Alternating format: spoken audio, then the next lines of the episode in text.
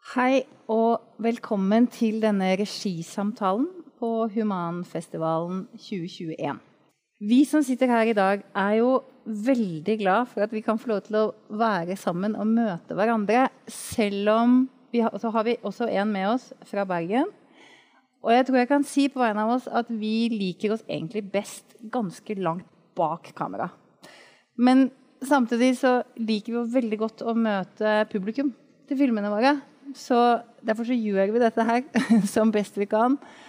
Eh, og prøver å gjøre det best ut av det. Men det er i hvert fall veldig hyggelig at eh, vi kan møtes. Eh, jeg tenker at Vi begynner med å presentere oss selv. Jeg heter Stine. Jeg jobber som produsent i et selskap som heter Stray Dog Productions. Og så har jeg også vært konsulent for Norsk Filminstitutt. Og det gjør at jeg kjenner en del av dere i bransjen som vi skal møte her i dag, litt fra før.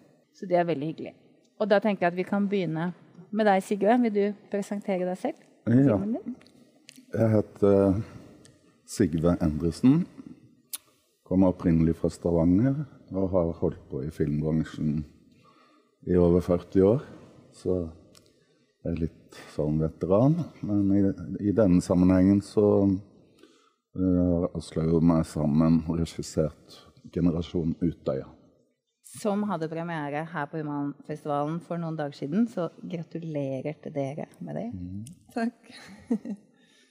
Som Sigve sier, så har vi regissert uh, 'Generasjon Utøya' sammen. Og det har vært utrolig spennende å få lov til å jobbe sammen. Mm. Um, jeg heter da Aslaug Holm og er regissør og jobber i Fenris Film. Og har også jobba ganske mange år i, i, bransjen. Både som um, filmfotograf og regissør og klipper. Så, men med dokumentar da, litt ulike typer prosjekt. Så nå er det generasjonen ute, da.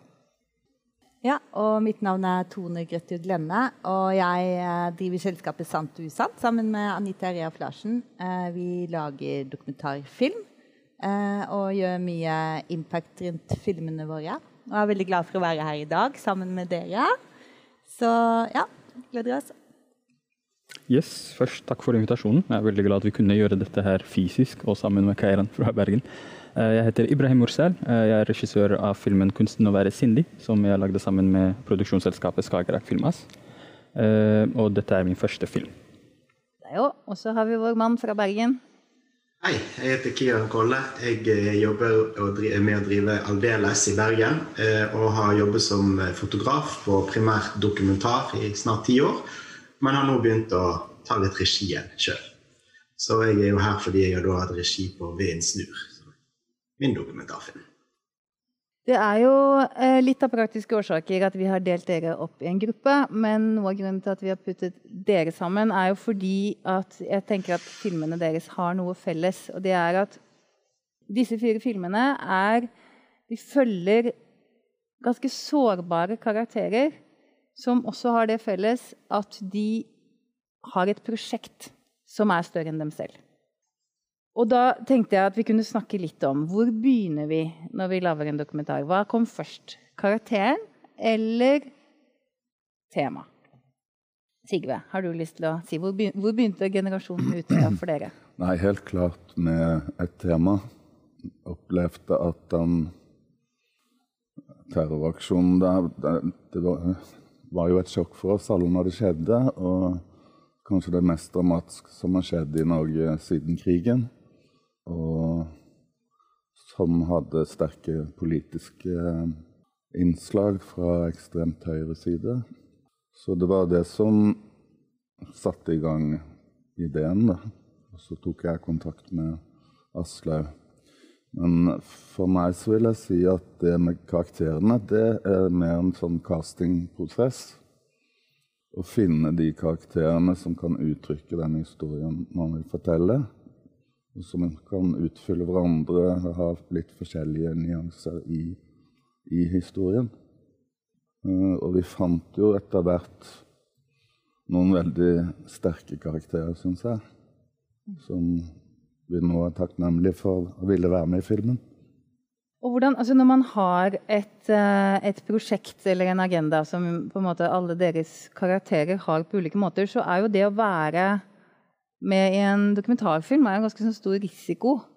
Um, jeg tenker litt på, på, dine karakterer, Kiran. De ser vi jo Vi ser jo også hvordan Michelle og Kim Jørgen særlig på en måte vokser og blir sterkere gjennom prosessen. Um, som gjør at de fremstår som veldig sterke karakterer i slutten av filmen. Men vi ser dem jo også ganske svake underveis. Hvordan, hvordan etablerte du det samarbeidet med dine karakterer? Hvor, hva, hvor, begynte det for deg? Var det med tematikken, eller var det med karakterene? For meg var det helt klart òg eh, tematisk. For dette var jo en film jeg egentlig har hatt lyst til å lage i, så lenge jeg egentlig har lagd film. Men jeg turde ikke helt å ta tak i det, for det er jo en mørk verden å gå inn i. Så, eh, så, temaet var i starten, men jeg møtte veldig fort eh, i hvert fall Arild og Kim Jørgen. møtte jeg vel egentlig allerede andre opptaksdag, som jeg var ute i felten. Tilfeldigvis. Og da, fant jeg jo prosjektet. Så du sa at de har et prosjekt som er større enn seg sjøl. Og da, gikk det jo over til å bli mer karakterdreven. Men for meg var det jo tematisk eh, var jo jeg altså ganske sånn emosjonelt eh, motivert til å gjøre det, fordi at jeg har såpass mange som jeg har vokst opp med, som har, har på en måte falt i denne krigen mot narkotika. Flere som har måttet betale den ultimate prisen med døden. Så, så, jeg har egentlig alltid hatt lyst til å lage denne filmen, men har ikke turt helt å ta tak i det, fordi at, ja, det er et stort, tungt tema. Jeg vet jo det, Tone, at Du har også måttet reflektere litt over eh, karakteren din. Hvordan du beskytter en sårbar karakter gjennom en sånn dokumentarisk prosess. Har du lyst til å si noe om hvordan du møtte Emilie, og hvordan dere begynte å jobbe sammen? Ja, eh, ja for meg så begynte det også med et tema. Eh, at jeg hadde lyst til å jeg, jeg opplevde at det var veldig mange rundt meg som på en måte kunne fortelle at de hadde et eller annet barn som de lurte litt på. De hadde noe tvil, men det var så utrolig vanskelig for dem å gå det neste steget. da, eh, Og agere på den tvilen. Uh, sånn at jeg hadde lyst til å lage en film som kunne bidra inn i arbeidet mot vold og seksuelle overgrep.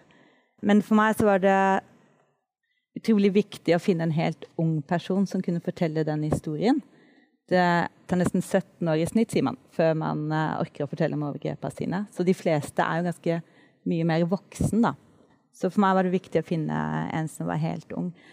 Og det å spørre en helt ung person om å være i en film hvor intensjonen er at den skal gå på kino, og med alt det rabalderet som blir rundt kinovisninger av presseoppslag og sånne ting, da, eh, da må man jo ikke sant, Det er jo spørsmålet kan man spørre en ung person om det, eller kan man ikke? Og det brukte jeg innmari mye tid på å tenke over. Eh, men også så kjente jeg at det var viktig viktig, så jeg dro til Statens barnehus, som er de som avhører barn eh, før rettssakene. Og var lenge der og diskuterte det mye med de også. Det der med retten til å eie en egen historie. Skal man, skal man på en måte be de om å ikke snakke om det, går videre, ikke være kun overgrepet sitt? Eller ligger det en slags empowerment i det å kunne fortelle historien og være sitt eget narrativ? da?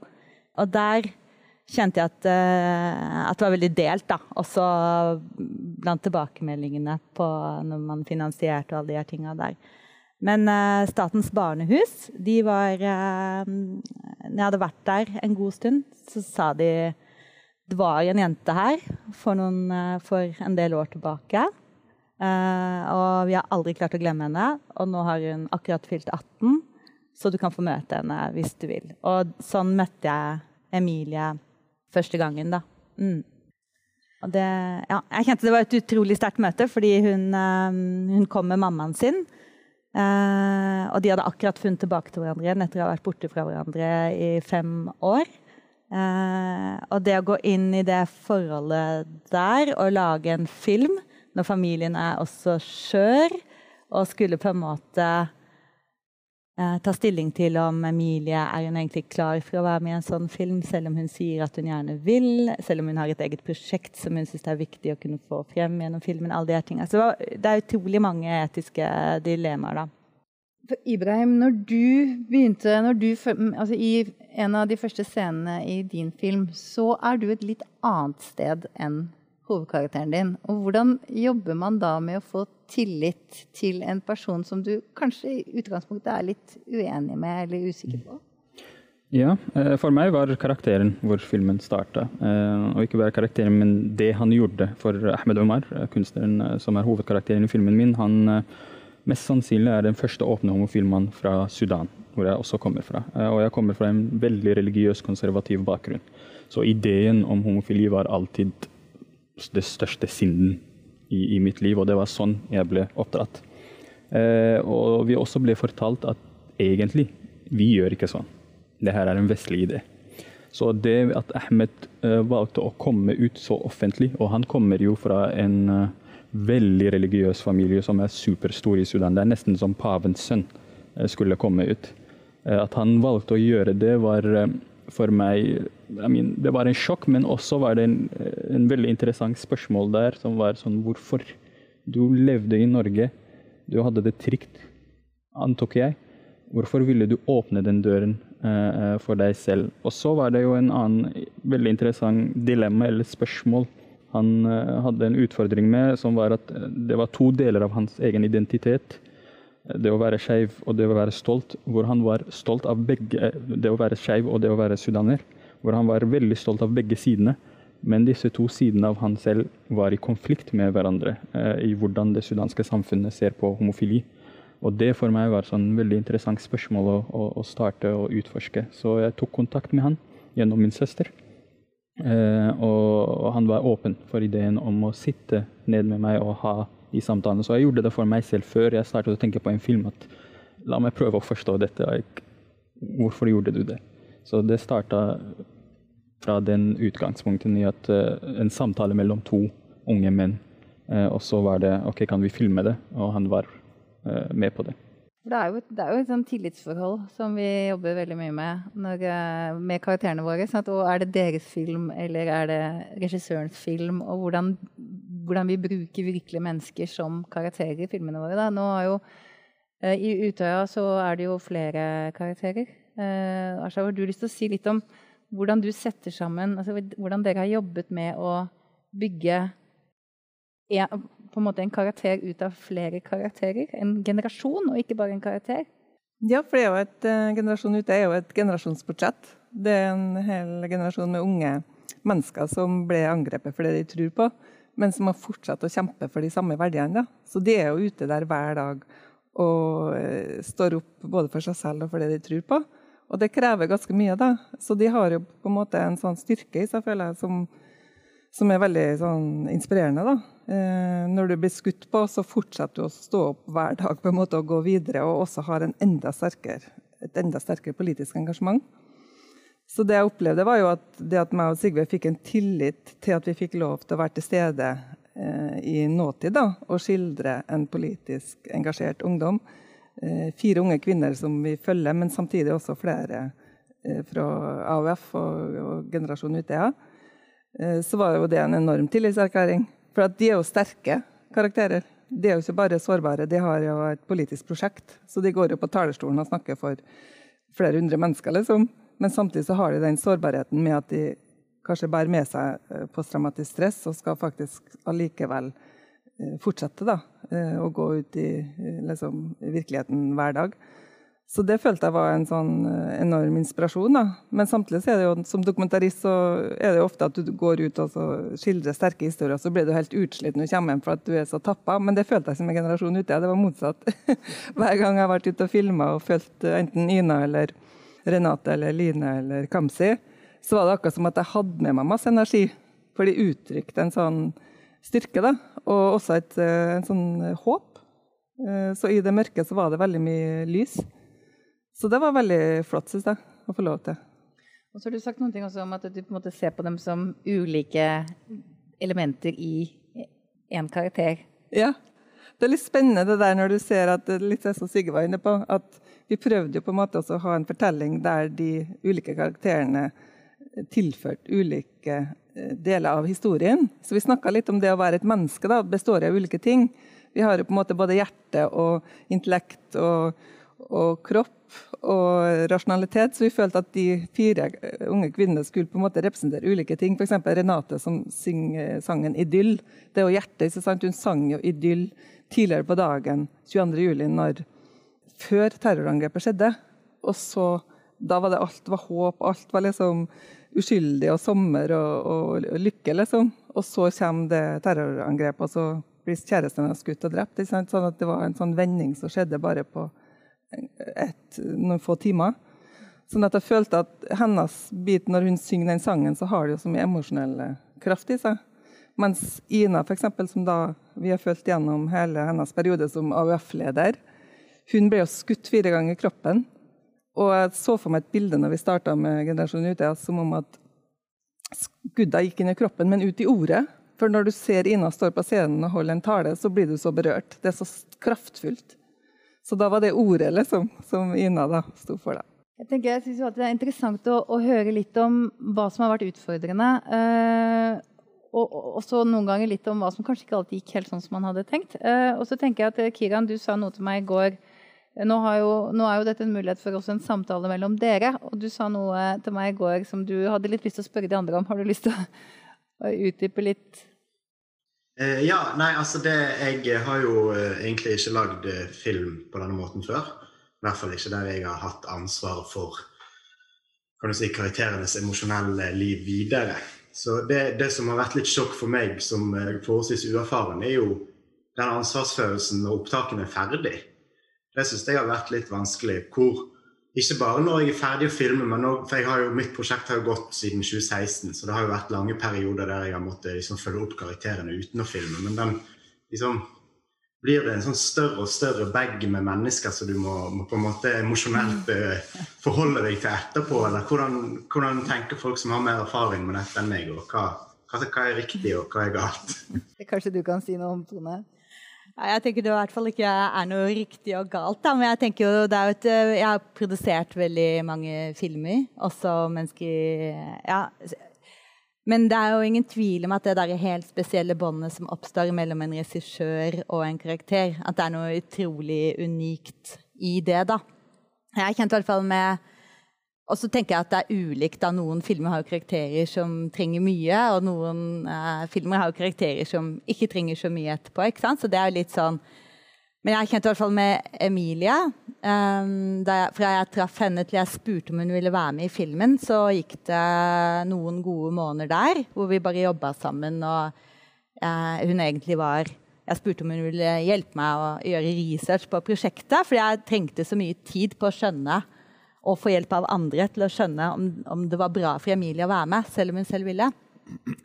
Men når jeg skjønte at jeg ville ha henne med i filmen, eh, da gikk jeg hjem til mannen min først faktisk, og sa at eh, hvis jeg skal si, spørre Emilie om hun vil være med, da trenger jeg vite at, eh, at vi kan åpne hjemmet vårt eh, for henne resten av livet. At hun kan komme og være med barna våre og være en del av familien. Eh, så det var liksom det ene. Og det andre var at hvis det skal være verdt for henne å være med i denne filmen, så må jeg vite at filmen kan skape endring helt strukturert videre. da. At, uh, at, den ikke bare vises på NRK eller settes opp på kino, men at, man, at, hun føler at det er et prosjekt som lever noen år etterpå og fører til direkte endring. Så det var liksom de to tinga som ble uh, viktig med henne, da. Men uh, ja, er du mye sammen med karakterene dine, eller? Eh, nei, jeg er ikke så masse sammen, men jeg, jeg, jeg, jo, jeg snakker jo med dem regelmessig. Og jeg kjenner jo på en litt sånn eh, et ansvar, da, hvis det er lenge siden jeg har hørt fra dem, og ta kontakt, rett og slett, og høre om det går bra. Spesielt nå når filmen var jo ferdig for en stund siden, men, men nå når den har kommet ut, så har det kanskje vært, spesielt for Michelle, veldig sånn sårbart og emosjonelt tungt. da, Så jeg har jo prøvd å være flink, men jeg føler aldri at jeg er tilstrekkelig på det feltet. da. Så jeg, jeg syns det er vanskelig. Jeg var ikke forberedt på den problemstillingen, så det var litt sånn Ja, dette lærer man ikke på filmskolen. Ja, for Det er jo ikke bare sårbart for uh, oss som filmskapere å på en måte presentere en film. Det er jo sårbart for de karakterene som er med i filmen vår også. og De blir jo møtt, Det ser vi jo tydelig også i Utøya, altså karakterene, hvor mye reaksjoner de får på ting som de sier. på en måte. Nå, nå står det i avisen at denne filmen er et harmdirrende politisk debattinnlegg. Og at den etter hvert reiser seg som en rasende langfinger mot Sylvi Listhaug og Frp. Og dette er jo ikke noe bare dere skal leve med, det er noe karakterene deres også skal eh, stå, stå inne for. Da. Hvordan, men dere to har jo holdt på en stund begge. Eh, hva slags eh, forhold har dere til karakterene i deres tidligere filmer? Har dere Åssen er det med deg og Jens? Jens har, dere mye, har dere mye kontakt om dagen? Nei, du får jo et veldig nært forhold. Jeg har jo fått utrolig føler jeg, nært forhold til alle fire jentene i Generasjon YT. Da. Og det er jo berikende. veldig sånn, ja, Jeg føler at jeg vokser som menneske gjennom det også. da. Men jeg kjenner også på det ansvaret som du snakka om, at det er jo veldig stort ansvar. Det blir sånn som å si at og vi kaster, Hvis du skal lage en film, liksom, så er du regissør, og da tar du jo ansvar for alt. Det er omtrent som å springe og kaste deg utenfor ei stup, og så skal du stå nedenfor stupet og ta imot. Sånn føles det, og det er jo faktisk vår oppgave. da.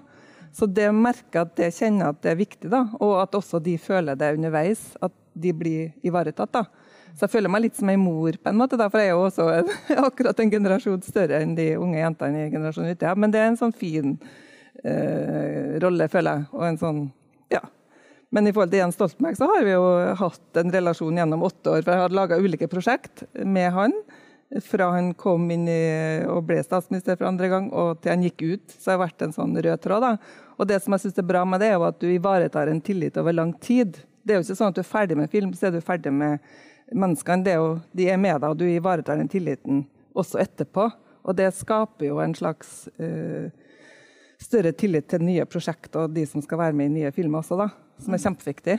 Og det kan sikkert Sigve si noe om, og du har jo også fulgt mange Ja, da, men jeg tror, jeg tror, det er viktig å tenke på at um, i hvert fall mange, altså Hvis man følger folk som er i en behandlingssituasjon f.eks., eller som har problemer med drugs, eller Så vi kan ikke ta så stort ansvar som terapeutene kan. Altså, det, vi må si at vi må være ærlige på å si at vi er her for å lage en film, ikke for å frelse den personen, først og fremst.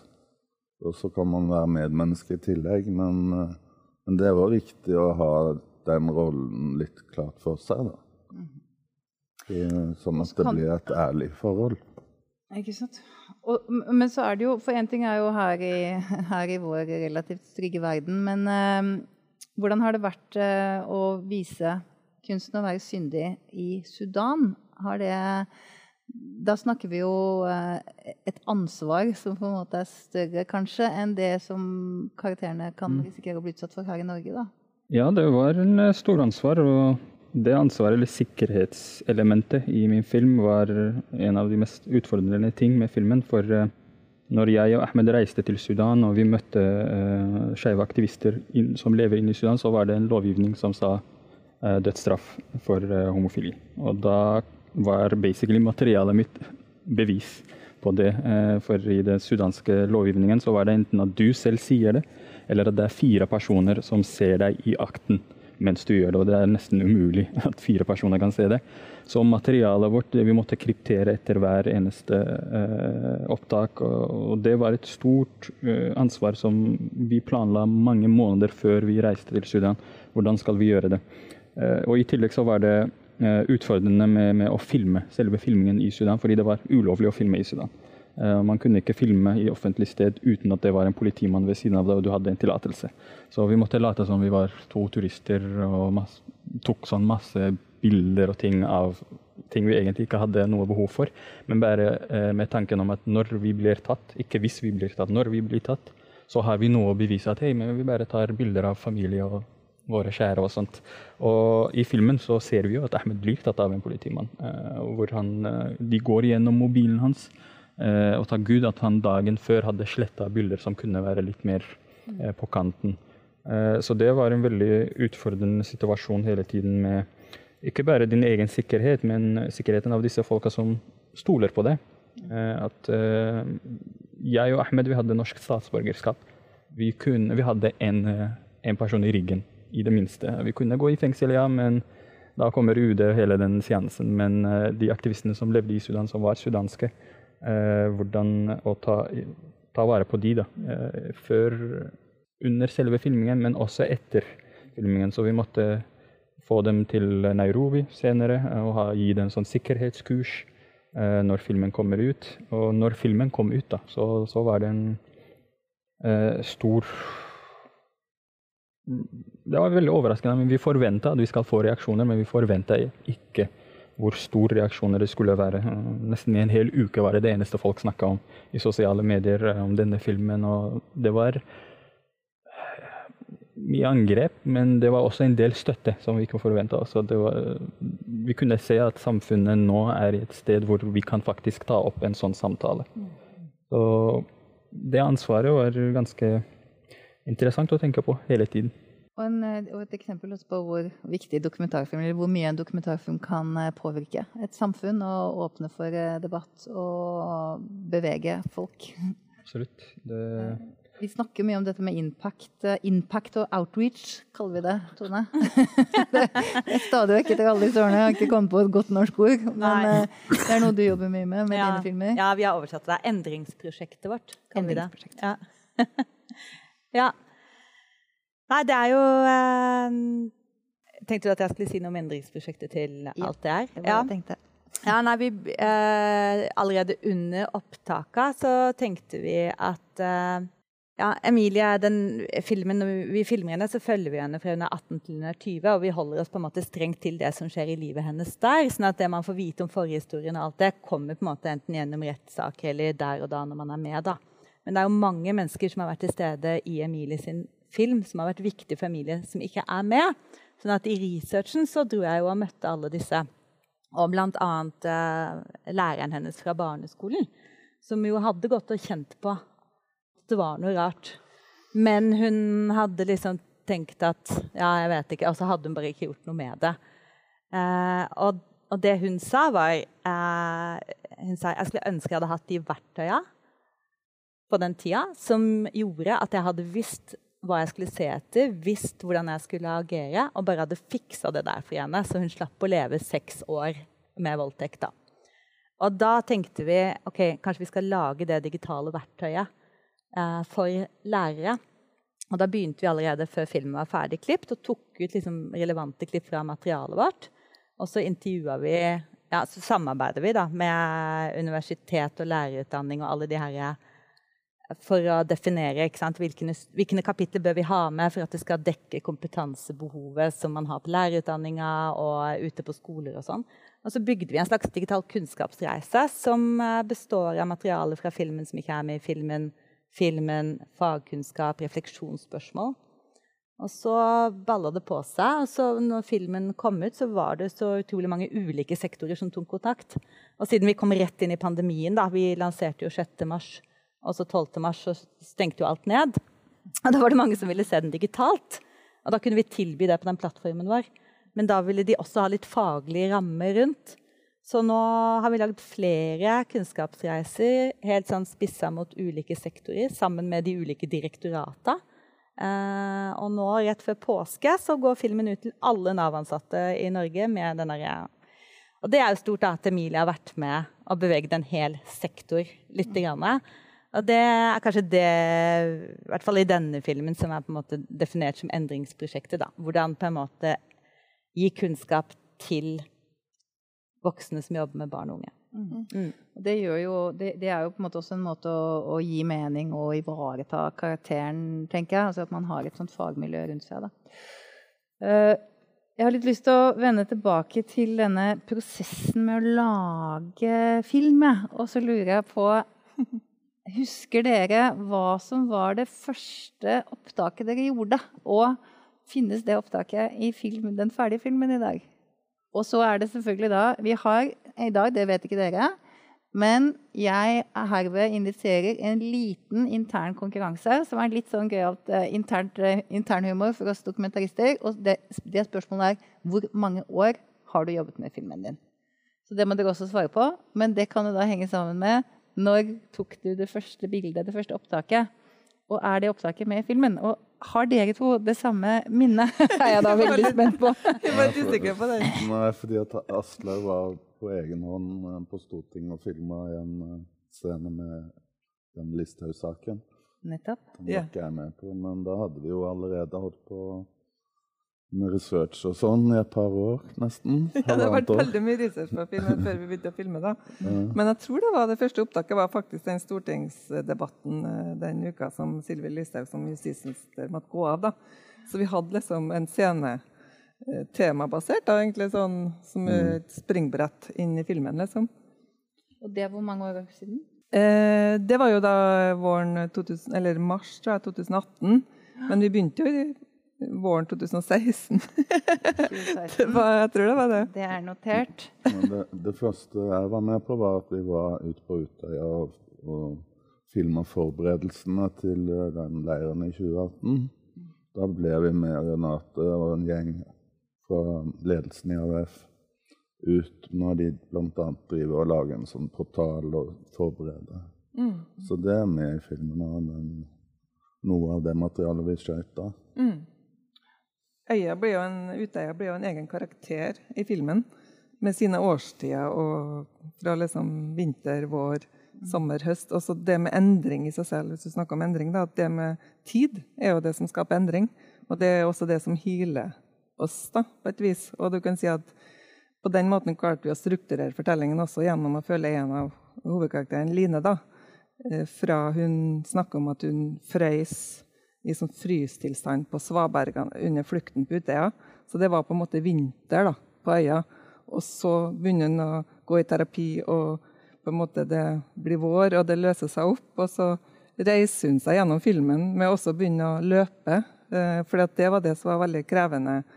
Eh, For under flukten så hadde hun så høy puls at når hun da begynte å trene senere, hun var jo opprinnelig danser og trente masse, så torde hun ikke å løpe, for da relaterte det til flukten, så fikk sånn panikkanfall. Så da gjennom å følge Line i den terapien, så healer hun egentlig både øya og alle karakterene, eh, og ender opp til slutt at de reiser seg. da. Så det er på en måte en generasjon som reiser seg sammen med Line. da. Så hun binder de sammen litt. Og for å avslutte det med det fysiske med karakterene, da, så var jo hun på en måte den røde tråden, men også det emosjonelle. Både intellektet og det emosjonelle. Og så hadde du Kamzy som fjerde karakteren, som er den handlende. som er veldig sånn fysisk når hun går. ikke sant? Hun er veldig, har eh, god selvtillit og tør å utfordre en del vedtatte sannheter. Så jeg syns at de utfylte hverandre på en sånn utrolig fin måte, hvis du tenker sjel og kropp. da. Til sammen så blir vi ett menneske, liksom. Og, trenger, og alle trenger hverandre. Både Ja. i filmen og i virkeligheten. Ja. Hva med deg, Kiran? Har du eh, noe minne om ditt første opptak? Er det noe vi har sett i filmen din? Um, det, ja, det er kanskje tre sekunder av det. Som bare er med random. Det var i, i 16. desember 2016. Eh, og da begynte jeg med å, egentlig å filme en, en, en barndomsvenn av meg som, som har gått gjennom en del uheldige ting i livet og havnet på kjøret. da. Så, så det begynte egentlig som et portrett av han, og da tok han meg med bort på, på det åpne eh, rusmarkedet utenfor Strakshuset i Bergen. Eh, Så for så vidt eh, bare en liten sånn sidenotis, men jeg har vært en del plasser rundt i verden i veldig farlige situasjoner. Men det er det skumleste og mest grusomme jeg har vært med på. Det var nede i den tunnelen der. Men eh, ja, jeg gikk vekk ifra å filme han fordi at eh, han var involvert i en del litt sånn mer seriøse kriminelle ting som ikke passet seg så veldig. Pluss at ja, det ble for nærmt. Så det er med, men det er på en måte ikke med, hvis du forstår. Skjønner. Jeg. Han var rett og slett litt for sårbar, kanskje? Som karakter, Ja, å være karakter? altså, ja han, var, han, var veldig, han hadde jo veldig lyst til dette, her, men, men, men han var på en måte i en posisjon som gjorde at han kunne Ja, det var liksom Ja. Jeg tror det er, det er mye, mye større Altså, det er Den organiserte delen av, av narkotikanettverkene i Norge er ganske mye mer brutale enn det folk kanskje er klar over. Så jeg var rett og slett redd for sikkerheten hans hvis han skulle vært med videre. Hva med deg, Ibrahim? Husker du første opptaket du gjorde? Eller når du begynte å jobbe med filmen? 17. 17. mai. mai 2016. Det var første opptaket, og den dukker opp i filmen. Sånn ett-to minutter av det i filmen. Men det interessante med det her med første opptak og hvordan Det var jo ble sagt litt i dramaturgiseminaret at eh, dokumentar utvikler seg hele tiden, og egentlig det er i klippen at man starter å samle. Og det er jo at, eh, jeg husker første opptaket vi tok, det var 17. mai. Eh, Ahmed hadde med seg sånn sudanesisk drakt, helsudanesisk drakt, og ideen min da, når jeg skulle filme han den dagen, var å se han ut i verden med hans sudanske stolthet og alt det der. Men i filmen, hvor den scenen dukker opp, er eh, når han starter å snakke om norske bunad. At han vil lage en, en norsk-sudanesisk bunad og fuse sammen de to delene av hans identitet i en, eh, i en uh, drakt. Og da ble den scenen for å vise den sudanske delen av han som deltar i 17. mai, og tenker hei, jeg vil også ta med meg det her. Så når jeg hørte det spørsmålet, så tenkte jeg interessant hvor man starter og hvor man ender. Men ja, 17. mai 2016. Det var første opptak. Man sier ofte det om film at, eh, at en, en filmatisk historie har en begynnelse og en midt og en slutt. Og så kom den franske bølgen, og så sa Godard at det kommer ikke alltid i den rekkefølgen. Og det er jo ikke alltid sånn at det første bildet vi tar, er det første bildet i filmen. Og hvordan er det med deg, Tone? Hva var det første bildet du ja, tok? Ja, det første bildet vi tok, var uh, i november 2015. Mm, vi har en leder. Men, uh, og det ligger helt sist i filmen. Uh, da jeg traff Emilie den aller første gangen, så det som gjorde bare så utrolig inntrykk på meg, var at hun brant etter å ha noen som hadde lyst til å gå inn i historien hennes og lytte til henne. Hun hadde på alle skolene etter straffesaken blitt fortalt at hun ikke skulle snakke om det i alle fosterfamiliene. Nei, du må ikke si det til noen, for da blir Ikke sant? Så det der enorme Og det der hvor vanskelig det var å få andre til å lytte til henne. At hun opplevde det. Så da tenkte jeg at i denne filmen så skal vi holde kamera på ansiktet til Emilie, og alle andre skal være ubetydelige, da, ut av fokus eller ut av framen, eller vi skal følge henne. Uh, og da tenkte jeg vi må teste. Det er vanskelig for en karakter å bære en film på den måten. Så da satte vi opp kamera. Det er det snøbildet på slutten. Uh, og så sa jeg kan du se inn i kamera i, i syv minutter. Uh, og bare på en måte være deg sjøl. Og så gjorde hun det. Og det var på en måte et sånt opptak hvor hun går fra litt nervøs til at hun begynner å gråte, til at hun begynner å le, til at hun begynner å synge. Og det skjer bare utrolig mye da, eh, i løpet av de syv minuttene. Eh, så det var et utrolig viktig opptak også, for å tørre å stole på å holde den formen gjennom filmen. Eh, og jeg tror også at, at, det var viktig for henne at, at, hun fikk den plassen, at hun følte det under opptaket. At ja, vi lytter til deg. Det, og alle som ser på filmen, skal nå er det deg med hele ditt kroppsspråk og alt du ikke sier, og alt som er usagt, uh, som er viktig, da. Det er bra. Jeg har litt lyst til å altså på, Om Generasjons Utøya, som jo har hatt en premiere eh, nå, nå, nettopp, så vi vier den litt ekstra oppmerksomhet i dag, eh, så sier de at den er et viktig vitnesbyrd og et retorisk skarpt innlegg i debatten om ytringsansvar. Og da ble jeg så veldig glad når noen snakket om ytringsansvar. Det er bare en litt ny nyanse av ytringsfrihet. For det er jo ikke bare friheten til å si hva vi vil, men det handler også om ansvaret for å, hva det vi sier, kommer, kommer, ut i verden. Hvordan det kommer ut i verden. Hva tenker dere om det med objektivitet og, og eventuelt være et mikrofonstativ? Altså hvor, hva slags rolle har vi i dag som dokumentarister? Kan vi mene noe? Kan vi eh, ha en agenda? Eller skal vi på en måte bare observere og være nøytrale? Det går ikke, men, men jeg tenker ofte på et sånn sitat fra en sånn sørafrikansk forfatter under apartheid-tiden. Han sa at vår oppgave er ikke å være leger og lege samfunnet, men vår oppgave er å skape hodepinen.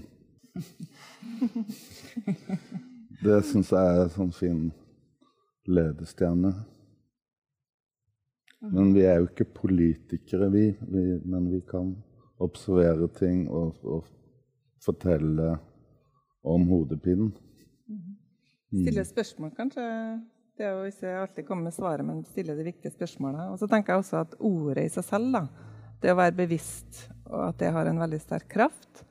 Og vi lever jo en veldig sånn tid med mange fortellinger og mye fake news. Og, så jeg føler at i generasjonen Utøya så får vi virkelig en sånn følelse av at ordet har en kraft, men også underteksten. Det som ligger bak ordet. Det å stå til ansvar for det du faktisk formidler. Da. Og der tenker jeg vi som filmskapere har et stort ansvar. At vi er jo subjektive i den måten at vi må stå inne for den fortellingen vi faktisk skaper. Da. Der har vi 100% ansvar. Og det kan jeg tenke hver gang at når man kan egentlig ta i bruk ganske mange virkemidler, men du må på en måte være etterrettelig og stå inne for det du forteller. da. Jeg lagde to versjoner av uh, 'Kunsten å være sindig', som kan ha noe med spørsmålet ditt å gjøre. Uh, det tok jo lang tid, og klippeprosessen var en ganske tøff prosess. Men uh, jeg lagde en mer objektiv versjon først av denne filmen. Mer politisk sånn OK, her er fakta, her er denne karakteren, her er spørsmålene til han ferdig. Og den, jeg er stolt av den versjonen, men den fungerte ikke i det hele tatt. Det var noe som Den toucha deg ikke. Du var bare liksom All right, interessant, nice. Og så går du videre. Men så satt vi, eh, jeg og klipperen Erlend, og tenkte Og han stilte meg en sånn veldig sånn, direkte spørsmål. like, Gi meg i én setning hvorfor lager du denne filmen? type spørsmål. Eh, ok, Hvis jeg sletter denne scenen, her, hva skjer med denne filmen? Han, han gjorde meg fra det objektive med politiske diten til å tenke veldig subjektiv. Liksom, at hvorfor vil jeg fortelle denne historien? Hva er det med hovedkarakteren Ahmed som gjør at jeg faktisk fulgte han i fire år? Eh, og det var da jeg startet å virkelig liksom tenke at vet du hva, det er ikke en rapportasje, det er en film. Man prøver å fortelle en historie og svare på noen spørsmål. Eh, og det er noe man som en filmskaper hele tiden husker på. Hva er det egentlig jeg prøver å, å svare på? Hva er det jeg egentlig prøver å uh, utforske her? Mm -hmm. Så ja tenker mm. Vi er ikke rapportasje. Kiran, du sa også noe til meg i går om det å bli på en måte beskyldt for å være et mikrofonstativ eller være ensidig. Din film er også veldig knyttet opp mot en helt sånn reell, konkret politisk prosess. Mm. Ja, nei, jeg har fått litt tid for, for, det, da. fordi at spesielt når man lar uh, rusavhengige snakke, så er det en forventning om at man skal ha en eller annen ekspertuttalelse etterpå. At, eh, og det var jo litt av konseptet mitt var jo at jeg føler at de, de rusavhengige har blitt møtt med overformynderi eh, siden starten. Så jeg ville jo nettopp gi de muligheten til å tale fritt i denne filmen uten at det skal kommenteres fra en motpart eller en ekspert eller hva du nå vil. Så, så, min film er jo veldig subjektiv, og det har vært veldig bevisst. at jeg føler at dette her, man, snak, man, har en veldig viktig politisk endring i samfunnet, og da må nesten de personene det handler om, få en plattform for å snakke fritt. Og når jeg begynte å filme, var i hvert fall dette veldig sterkt, men, men det har jo vært, kommet en veldig stor endring om siste året. Så er det jo blitt veldig annerledes. Måten man snakker om, om rusavhengige har forandret seg, og, og de generelt sett er synligere i samfunnet nå på politisk plan. Så, så det behovet har jo kanskje endret seg litt i filmen. Men eh, ja. Jeg er enig, enig med Ibrahim at det er jo selv om det har blitt omtalt som at filmen er en utvidet reportasje, så, så er det veldig viktig for meg å, å, å ha en subjektivitet i det. Vi skal runde av denne samtalen her. Eh, det er jo kjempefint at vi, vi, som er her, kan fortsette å snakke litt sammen på bakrommet. Vi skal ha en liten pause, og så skal vi fortsette å snakke med en ny gruppe regissører som eh, står etter at vi har antibakket dette området og kjørt en liten videosnutt. Eh, disse filmene vi har snakket om her i dag, er tilgjengelige på Human sin plattform til og med 14. mars. Med unntak av Generasjon Utøya, som ligger i et begrenset opplag. Den er vel kanskje allerede utsolgt, de billettene som er ute? Ja, kanskje. Det kan hende det er noen billetter igjen. Kanskje er det noen få billetter igjen. Ellers kommer filmen opp på kino så snart forholdene tillater det. Så uh, da er det bare å logge seg inn og se mer av filmene i det norske programmet. Det er en premieutdeling også i kveld, det kan vi snakke om senere. Og så vil jeg bare si takk for at dere tar ytringsansvar. Og vi ses igjen om litt.